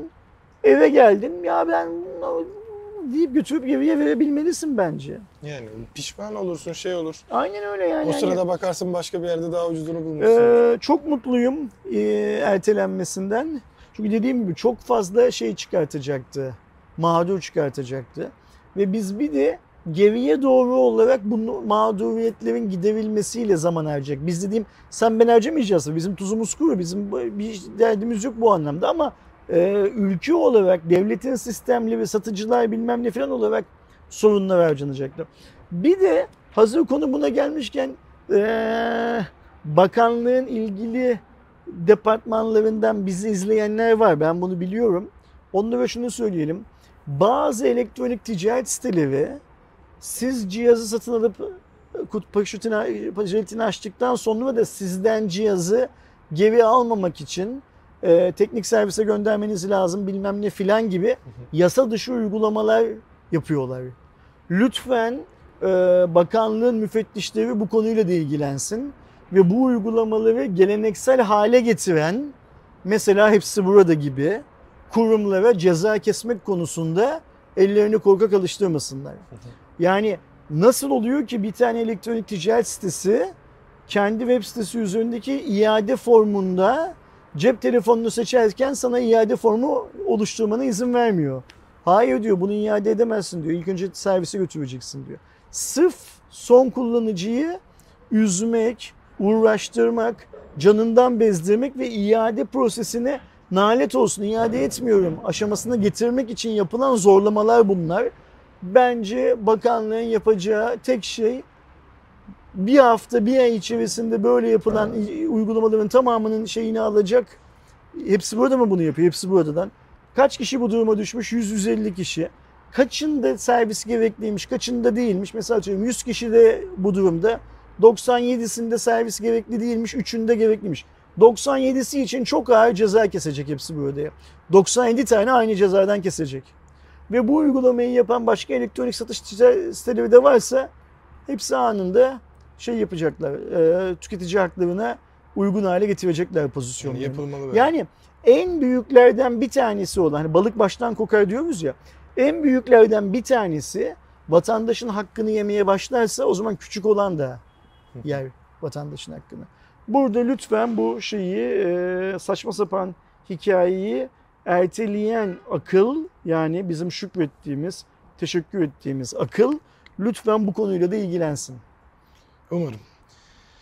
Çip tarafına geçtiğimizde ise biliyorsunuz aslında mobil e, cihazlarında gördüğümüz özellikle akıllı telefon ve tabletlerde gördüğümüz işlemcilerdeki e, pazar lideri Samsung.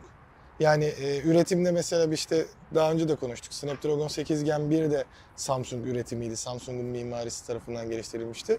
Orada yaşanan sıkıntılarla 8 Plus Ama Gen'lerin TSMC. Samsung'un pazar lideri olmasının nedeni işlemci ürettiği için değil.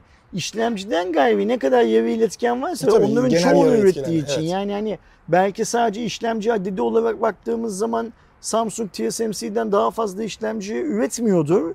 Ama genel anlamda Samsung Yarı üretim bandından çıkan yarı iletken temelli tüm ürünlere baktığımızda ki bunların içinde RAM'ler vesaire, SSD'ler. SSD'ler filan filan da var. Samsung bir dünya lideri. Evet. Ya zaten hani nereye baksanız gerçekten Samsung Lideri idi. Ya şu an için aslında lideri hala. Ama e, 2022'nin 3. çeyreğinde de düşüş yaşamasıyla beraber e, pazar araştırmalarına bakıldığında e, ilerleyen dönemde artık bu liderliği TSMC'nin e, alması bekleniyor şey olarak. E, çünkü baktığımızda TSMC'nin Temmuz-Eylül dönemi içerisinde yaklaşık 20.2 milyar düzeyinde bir gelir elde ettiği e, görülmekte. Samsung'un yaşayacağı düşüş sonrasında ise 3. çeyrekte 18,23 milyar dolar seviyesinde gelir elde etmesi bekleniyor ve böylece işte o düşüşle beraber Ama bu raporda şu bekleniyor. eksik Aydoğan. Ee, Samsung'un gelirlerinin yani yarı iletkendeki gelirlerin düşmesinin nedenlerinden birisi de Samsung'un çoğu pazarda Exynos işlemcili ürün satışını azaltmasından kaynaklanıyor. Yani Samsung'un yarı iletken e, fabrikası en çok parayı Samsung cihazlarda kullanılan yarı iletkenliği üreterek kazanıyordu. Bunu şey yapmamak lazım, göz ardı etmemek lazım. Hani hep diyorum ya Samsung Exynos'tan çekilemez, Samsung Exynos'u üretmeyi bırakamaz filan diye. Orada da hep bunları söylüyorum. Şimdi Exynos için kötü bir yıl olunca Samsung Exynos'lu e, cep telefonu sayısını azaltınca doğal olarak yarı iletken fabrikasının da karlılığı azaldı. ister bir de önümüzdeki sene için şey hala söylentileri devam Hı hı. ediyor. Yani Samsung da yalanlamadı. E, Exynos'u bir sene anadasa bırakma hikayesi. üzerinde çalışma yani bir sene sonra daha olgun bir Exynos Hı hı. çıkartma hikayesi. O yüzden yani bu TSMC'ye geçiş mümkündür, olabilir. E, Bugünün piyasasını analiz ettiğimiz zaman olabilir. Ama TSMC'de çok uzun süre kalabilir mi bu liderlik? O konuda biraz şey O yapmak onlar lazım. için birazcık Çünkü fırsat olur. TSMC için de bu diğer küçük şeyleri yani küçükten kastım RAM filan gibi şeyleri üretmek eee, o kadar karlı değil. Hı. TSMC çünkü işlemci üreterek çok iyi para kazanıyor. Doğru. Yani O yüzden hani üretmemeyi bile tercih edebilir. Üretim bandında onlara yer vermemeyi bile tercih edebilir TSMC. Olabilir bilmiyorum. Ee, YouTube kanadına geldiğimizde biliyorsunuz aslında YouTube'da premium abone olmayanlar ya da e, farklı işte AdBlock ve e, üçüncü parti uygulamaları kullanmayan insanlara e, minimum ya da genellikle diyelim bazen tek olduğu da oluyordu. iki reklam gösteriliyordu. Şu anda sosyal medyada ortaya çıkan duruma göre bunun 5'e çıkacağı söyleniyor. Ve siz bir videoya geçmeden önce toplamda yaklaşık 30 saniye falan sürmesi bekleniyor. Yani böyle e, uzun uzun değil her biri 6 saniye olacak şekilde ama toplamda bir 30 saniyelik e, reklam furyası olabilir. Yani şu anda 15 saniyelik reklamlar var. 8. saniyede sen skip edebiliyorsun, geçebiliyorsun. Ama 6 saniyelik reklamlar ayarlayıp senin geçmenin engelleneceği bir durumdan bahsediyor. Ve Evet. 30 sa- saniyelik değil mi? 5 Hı hı. reklam. Valla ben bir yayıncı olarak yani YouTube reklamlarından her ne kadar beğenmesem ve şey desem de YouTube'dan gelen para ne ki yani bizim buradaki çay kahve paramıza yetmez desem de 5 reklamın fazla olduğunu 30 saniyenin geçilemeyecek, atlanamayacak 30 saniyenin fazla olduğunu düşünüyorum Aydoğan. Yani ben biliyorsun bu Rancid tarzı uygulamaların kullanılmasına karşıyım. Daha çok karşıyım dediğim kendim kullanmıyorum ve diyorum ki ben e, Google şifremi Google'dan başka hiç kimseyle paylaşmam diyorum. Hı hı. E, ayrıca e, izleyicilerin, okuyucuların, takipçilerin her ne anlamda olursa olsun herhangi bir ad blocker, reklam engelleyici uygulamayı kullanmasını da çok doğru bulmuyorum. Şu yüzden doğru bulmuyorum. Eğer bu yayının, okuduğunuz şeyin, takip ettiğiniz adamın içi, ürettiği içerikten memnunsanız o adamın para kazanmasını engelleyeme, engellerseniz o adam bu işi yapmaya devam edemez. Hı hı. Reklam yayıncılığın ayrılmaz bir unsurudur. Sizin okur, izleyici olarak dikkat etmeniz gereken şey reklam belli bir ahlak çerçevesinde, kanunlar çerçevesinde yapılıyor mu yapılmıyor mu buna dikkat etmelisiniz. Yapılmadığını gördüğünüz zaman da yayıncıyı kendiniz cezalandırmakla yetinmeyip yani e, abonelikten çıkma, üyelikten çıkma, unfollow etmeyle yetinmeyip ilgili kurumlara da şikayet etmelisiniz. Adamın size e,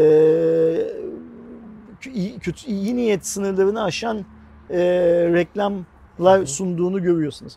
O yüzden hani e, tüm bunları söylememe rağmen e, şu 5 reklam hikayesi bence doğru değil. Kesinlikle yani gereksiz birazcık fazla. Bir de o aslında Ben belki fazla para kazanacağım Aydoğan. Sen belki fazla para kazanacaksın bu hikayeden. Ama bizi e, tamam reklam süresini 6 saniye çekiyoruz ama 30 saniye izleyeceksin. Çünkü ben, biz şu anda canımız isterse 30 saniye izlemiyoruz. En fazla 16 saniye izleyip geçebiliyoruz. Ya da 14 saniye izleyip geçebiliyoruz en fazla. Niye benim iki misli zamanımı alacaksın? Tamam ben bu adamın yayınlarını çok seviyorum, izliyorum. Yani mesela Hardware Plus'ı çok seviyorum, izliyorum. Bu adamlar para kazansın da istiyorum. Bu adamlar günde iki tane video yayınlıyorlar. Ben bu iki videonun bir tanesinde bütün reklamları izliyorum. Sırf bu adamlar para kazansın diye. Bence ben izleyici olarak üzerime düşeni yapıyorum şu şartlar altında. Sen ne diye bana bir 15 saniye daha çakıyorsun? O zaten amacı ya premium'u arttırmak anladım. Bu sence premium mu arttırır? Vancet falan gibi uygulamaları mı arttırır? Hangisini yapar? Ya e, tabii ki Vans vesaire gibi durumları arttırır. Hatta ben şey olarak düşünüyorum mesela. Adblocker kullan, kullanımını özellikle Türkiye'de en çok arttıran hikaye aslında e, yasa dışı dizi film ve e, işte maç yayını kaçak maç yayını gösteren siteler. Çünkü e, oradaki işte sürekli çıkan reklamlar vesaire falan filan durumuyla Bir başka bir kanunsuzluk yüzünden iş çıkıyor ortaya. Ne kadar garip değil Tabii mi? ki. Hani insanlar mesela onu kurmak zorunda kalıyor orada. Çünkü işte e, Dijitürk ücreti çok yüksek geliyor, bilmem ne geliyor. Sonra işte o futbolcu Öğrencilere Dijitürk'le ucuzlatılsın Aydoğan bence o Keşke. zaman.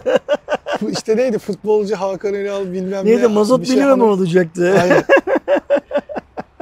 Ay, şeylerinden. Onlar yükleyip büyük ihtimalle diğerlerinde de kullanıyor. Çok daha rahat bir kullanım sağladığı için. E bu da onlara ekstra şey olacak teşvik olacak. Yani şeyden farksız olmaya başlıyor böyle düşündüğümüzde. Dediğim gibi o yasa dışı sitelerden çok daha farksız olmaya başlıyor. Ben doğru bulmuyorum ne yalan söyleyeyim ve bunun YouTube'a ve genel anlamda ABC'ye yani Google'a çok faydalı bir aksiyon olacağını da düşünmüyorum. Bence de ama yani nasıl yapacak ya da o geçiş hakkı vesaire verecek mi? Hani o 30 saniyede 3 saniyede bir geçiş olacak ama 5 kere sürekli geçmeye çalışmak da şey ayrı bir e, dünya. Be- Benim kafamı hiç yatmadı. Ben kafadan onu söylüyorum. Bakalım hani premium'a ne Yine aynı şey şeyi söyleyeyim. Ben bu işten para kazanan bir insan olarak bu fikre sıcak bakmıyorum. Bu fikir belki benim gelirlerimi arttıracak bir fikir olmasına rağmen sıcak Ya bakmıyorum. çünkü şeyi de azaltır mesela. Ee, sen o sırada aklına gelen bir şey olduğunda 5 tane reklamı gördün mü hemen şey yapacaksın. Ee, soğutur adamı yani. Hani bir de e, bütün kanallar kendileri de bir reklam dizilimi yapıyorlar mesela.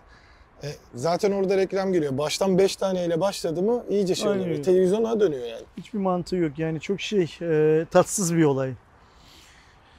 İşin e, uzay kısmına geldiğimizde ise Amerika'da yapılan e, açıklamaya göre e, Amerika Birleşik Devletleri güvenlik sebebiyle e, UFO videoları, ellerinde bir UFO videoları oldu ve bunların yayınlanmayacağını söylüyor ama şöyle de bir anekdot geçelim. Bu her zaman genelleniyor. UFO eşittir uzaylı hikayesi. UFO'nun açılımı işte e, Unknown Flying Objects. aynen bilinmeyen ya tanınmayan e, uçan obje Tanımlanamayan mi? uçan nesneler. Hı. e, nesneler, objeler diye söyleyebiliriz. Ve bu aslında bakıldığında işte uçak mı, işte ne bileyim e, bir göktaşı mı bir şey mi fark edilmeyen bir şeye söylenen bir e, durum.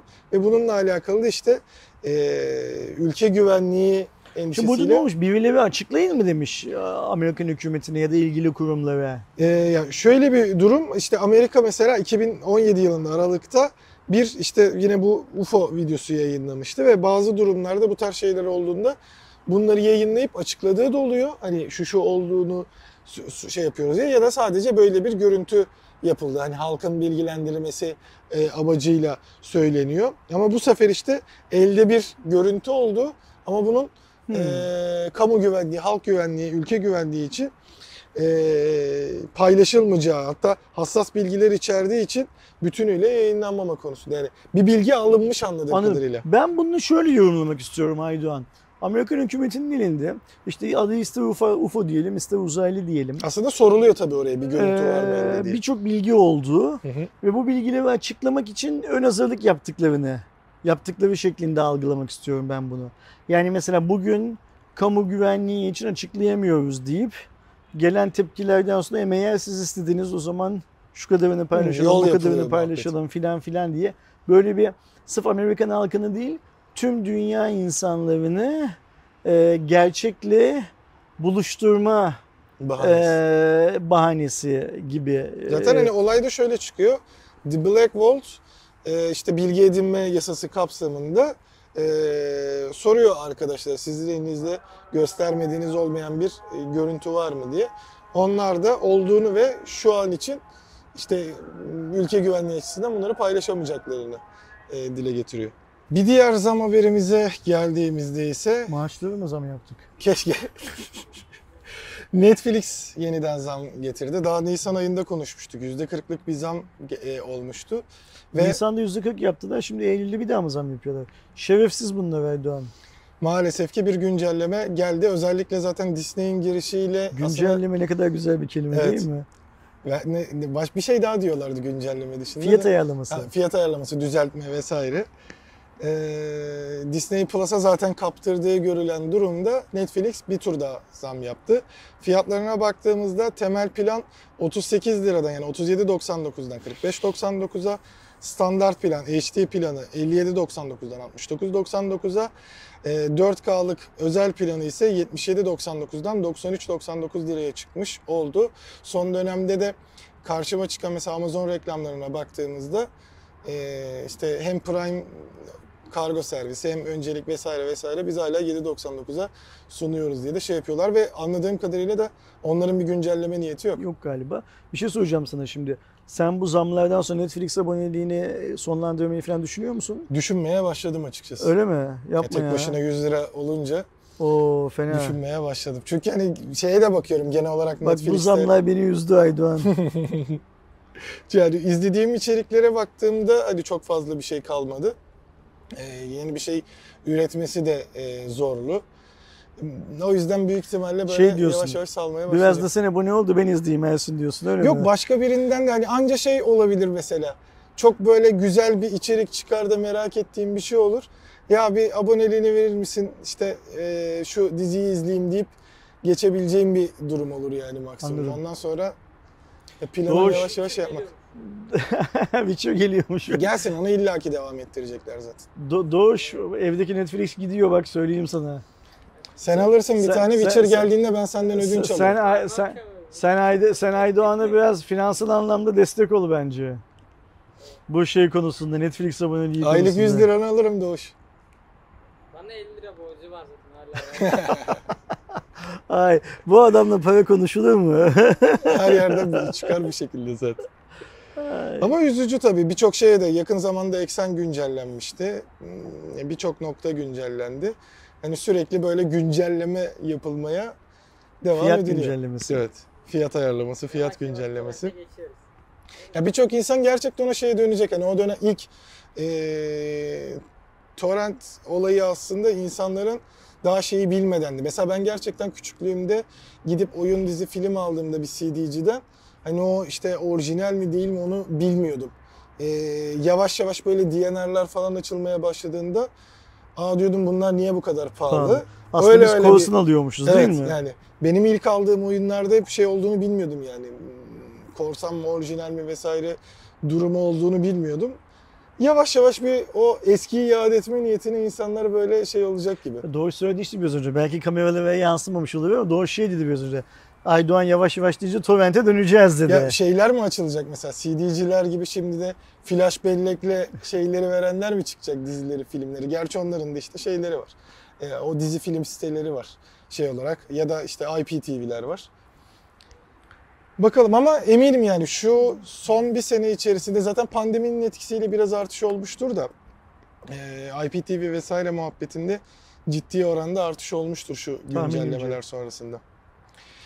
Bakanlık kanadında Hazine ve Maliye Ba- Hazine, ne Hazine. demekse Hazine ve Maliye Bakanı Nurettin Nebati'nin açıklamalarına göre YouTube, Facebook, Instagram, Bigo, Twitch, TikTok, e, D-Live ve Scorp mecraları üzerinde yapılan analizler sonucu 65 bin kişi analiz edilmiş.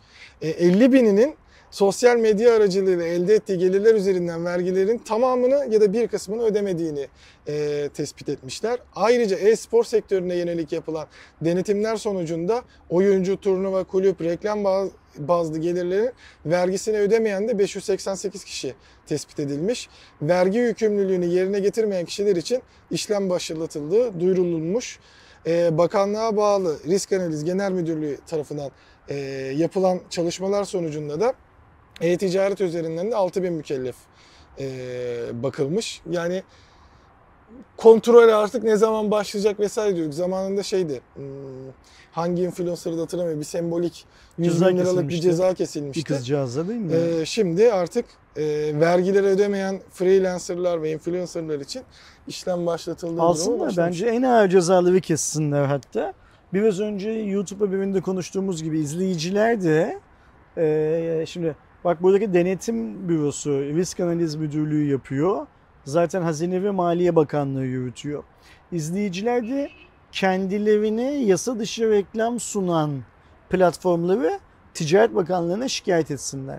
Ayrıca yasa dışı reklam yaptıran markaları da şikayet etsinler. Çünkü bu iş tek başına yayıncının ya da influencer'ın başının altından çıkan bir şey. Bazı markalar da e, insanları genellikle daha genç, daha tecrübesiz kişileri yasa dışı reklama yönlendiriyorlar.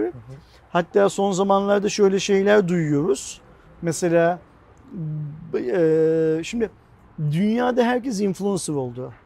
Yani Evet. ee, ben e, hasbelkader öyle profiller görüyorum ki e, kızcağız mesela hmm, bunu küçümsemek için söylemiyorum ama olayın mahiyetini anlatmak için söylüyorum. Tekirdağ'ın bir kasabasında, Sivas'ın bir beldesinde filan kendi halinde bir atıyorum eczacı, muhasebeci filan bir bakıyorsun Instagram sayfasında 100 bin 150 bin takipçisi var. Yani yaşadığı yerin nüfusundan daha fazla takipçisi var. Şimdi bakıyorsun hani işte bu Instagram eşittir meme hikayesi mi sürekli dekolte yok öyle bir şey de yok. Ama mesela ben geçenlerde Karadenizli bir kız gördüm. Ee, herhalde 22-23 yaşında muhtemelen öğrenci, öğrencidir ya da belki okumuyor da olabilir. Kız böyle sürekli Karadeniz'de bir yerleri geziyor ve gittiği her yerde anladığım kadarıyla Lazlara özel bazı espriler yapıyor. Ve çok e, takip ediliyor filan. Şimdi markalar bu insanları da bulmaya başladılar doğal olarak ya da bu insanlar da bu çok para kazanılan camiadan kendi paylarını düşüne almak arzusundalar. Ve markalar bunlara diyorlar ki "Ee, ben seninle çalışmak istiyorum ama sen bana fatura kesemeyeceğin için ben bu işi ajans olarak Aydoğan'a yönlendireyim. Aydoğan bana faturasını kessin. Aydoğan sonrasında el altından işte kaç liraya anlaştık biz 20 bin liraya. Bu işten 10 bin lira da Aydoğan'ın şeyi var ne derler Payı. Pri- primi var komisyonu var. 10 bin lirayı Aydoğan sana gönderecek ama Aydoğan sana bu parayı 3 ay sonra gönderecek filan diyor. Nitekim bu paralar bu arkadaşlara gidiyor da gitmiyor değil. Şey yani hani burada ortada dolandırılan influencer, kız çocuğu falan ama kaçırılan vergi var. Kaçırılan vergi var. Şimdi mesela bakanlık eğer bu bahsettiğimiz arkadaşı incelemeye aldıysa buna tebligat çıkartacaklar, vergi dairesine çağıracaklar, ifadesi alınacak ve diyecek ki o ya bana senin fatura kesimine falan gerek yok. İşte Aydoğan sana parayı gönderecek dediler. Aldım diyecek.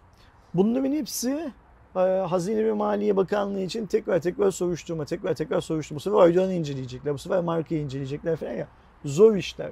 O yüzden şu anda influencerlar için bakanlık zaten çok kolay bir şey yaptı. Gidiyorsun kamu bankasına, pardon önce vergi dairesine gidiyorsun. Mesela belli bir limite kadar senden e, banka hesabından vergiyi kesiyorlar, düşük bir vergi. Paranı alıyorsun. E, Bu yöntemi seçsinler. Hiç öyle el altından para alma bilmem ne yapma filan hikayeni seçmesinler. Çünkü er ya da geç bu iyi ben dediğimiz hikayede her şey kayıt altında. Yani Sayın Nebati'ye kısmet olur ya da Nebati'den bir sonraki bakana kısmet olur ama birileri geriye dönük bunları inceleyecektir elbet bir gün ve ben istiyorum ki elbet bir gün bunların tüm ceza bildirgeleri insanların adresine gönderilsin. Yani influencer'a da, ajansa da, markaya da kime ceza kesilmesi gerekiyorsa kesilsin. Çünkü niye biliyor musun? Yine başa döneceğiz. Üniversite öğrencisi cep telefonu aldığı zaman oradaki vergisini kuruşu kuruşuna peşin alan devlet birisi böyle işler yaptığı zaman buradaki vergiyi almak için 5 takla atıyor. Kolay yolu gösteriyor, kolay yolu icat ediyor, kolay yolu insanlara sunuyor. Ama insanlar onu da takip etmiyorlar. Yine ayak diretiyorlar. Üç kuruş fazla kazanmak için. Hani Amerikan kovboy filmi vardı ya For a Few Dollar More. Birkaç fazla, do- fazla dolar için film hikayesi. Birkaç fazla lira için bunlara tenezzül ediyorlar. Şimdi e, nasıl ki bu çocuklara biraz önce mazot 1 lira, Netflix'te onlara ücretsiz olsun, bilmem ne, Dijitürk'te ücretsiz olsun, indirim yapsın dediysek e, o jenerasyonun bu tarafında olan insanlara da bu ceza makbuzlarının bir an önce beyan edilmesi lazım. Doğru. Bu adamların bu cezaları çünkü şöyle bir şey var. Cezayı ödemeden ne yazık ki Türk halkının büyük bir kısmı kurallara uymuyor. Ya zaten hani o işi yapan herkes de o cezayı yeme ihtimali olduğunu biliyor zaten. Onu göz. Bilmiyorsa zaten bu işi yapmasın artık. Şu- Şu günde artık yani 16 Eylül 2022 tarihinde ben bunun suç olduğunu bilmiyordum diyecek adam varsa bu işi yapmasın zaten. O ayrı mevzu ama ceza hani dayak cennetten çıkmadı falan hikayesi. Ceza bir kısım insanın doğru yolu bulması konusundaki en büyük katalizördür. Cezalar ve denetimler aktif şekilde uygulandıktan sonra doğru yolu bulmayanlar zaten onlar artık işin eee, nasıl söylerler mafya tarafında faaliyet gösteriyor. Bir kişi bile olsa bunu kendi başına 14 yaşında, 13 yaşında, 18 yaşında bir çocuk bile evinde yapıyor olsa o artık gücün karanlık tarafındadır ve onun onunla başka şekilde mücadele etmek gerekiyor. Nedir o başka şekilde mücadele etmek? İşte ceza, gerekiyorsa hapis, gerekiyorsa hesabının kapanması, bilmem ne yapılması filan filan gibi. Ee, bence Sayın Maliye ve Sayın Hazine ve Maliye Bakanı Nurettin Nebati e, iyi bir şey yapıyor. E, şeyi çalıştırarak, risk analizi genel müdürlüğünü çalıştırarak iyi bir şey yapıyor. Tabii ki 50 bin influencer'ı tek tek sorgulamak şey bir süreç değil, kolay bir süreç değil. Kesinlikle. Ama e, ha burada bak bazen de şöyle şeyler çıkar ortaya. Mesela bu tarz hikayeleri sonrasında Ankara'da konuşursan bir yetkili sana der ki ya evet biz 50 bin kişiyi sorguladık. Bu işte toplamda 3 yıl sürdü. Buna kabataslak biz 3 milyon lira ayırdık attım. İş gücü bilmem ne filan filan. 1,5 milyon lira da vergi gelirimiz oldu cezalarla birlikte. 1,5 milyon lira fazladan harcadık da derler. Hiç önemli değil fazladan harcamak. En azından o düzene sokulması Aynen öyle. açısından. Bu bir düzen işidir.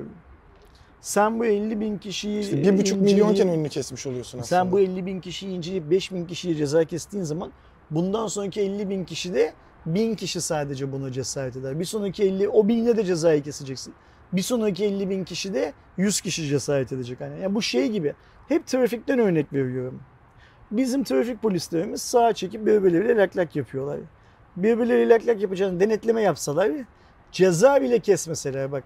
Mesela ne ne denetlemesi? Sinyal vermeden şerit değiştirdim. Bu doğru bir şey adımı kenara çekecek. Bunu söyleyecek sadece. Bunu bile yapsalar sinyal vermeden şerit değiştiren araba sayısı 10 günde yarı yarıyadan azalır. Yani. Denetim, denetim, denetim. Süper. O yüzden e, birçok söylediği şeyle dalga geçsem de e, öyle gözünde de hiçbir zaman öyle bir parıltı falan görmesem de e, Sayın Nurettin Nebati iyi bir iş yaptırmış. Sağ olsun, var olsun. Bakalım yani sonuçlarında neler çıkacak, ne olacak, işte, İşte cezalar nasıl keşke olacak. bunun sonuçlarını da duyursalar bize. Duyururlarla bence. Duyururlar mı? Çıkar. Ya en azından İnşallah. hani genel olarak çıkmaya başlar diye düşünüyorum. İnşallah Erdoğan, inşallah ağzın bal yesin. Son haberimize geldiğimizde Emmy ödülleri de verildi. Hani en azından bahsetmiş olmak için eee, ekleyelim dedik. E, dizilere baktığımızda drama dizisindeki başrol oyuncu ödülü çok konuşuldu. Squid Game'deki o arkadaş hani ana eee, karakter seçildi. Buna çok tepki geldi çünkü eee, yani Amerika'da da çok fazla tepki var. Eee şeyi diziyi sonlandırılan Better Call Saul daki e, Bob Odenkirk doğru biliyorum galiba adını. Doğru Onun biliyorsun. alması gerektiği ve orada bir ödül olması gerektiği e, söyleniyordu ama yani böyle bir tercih yapılmış.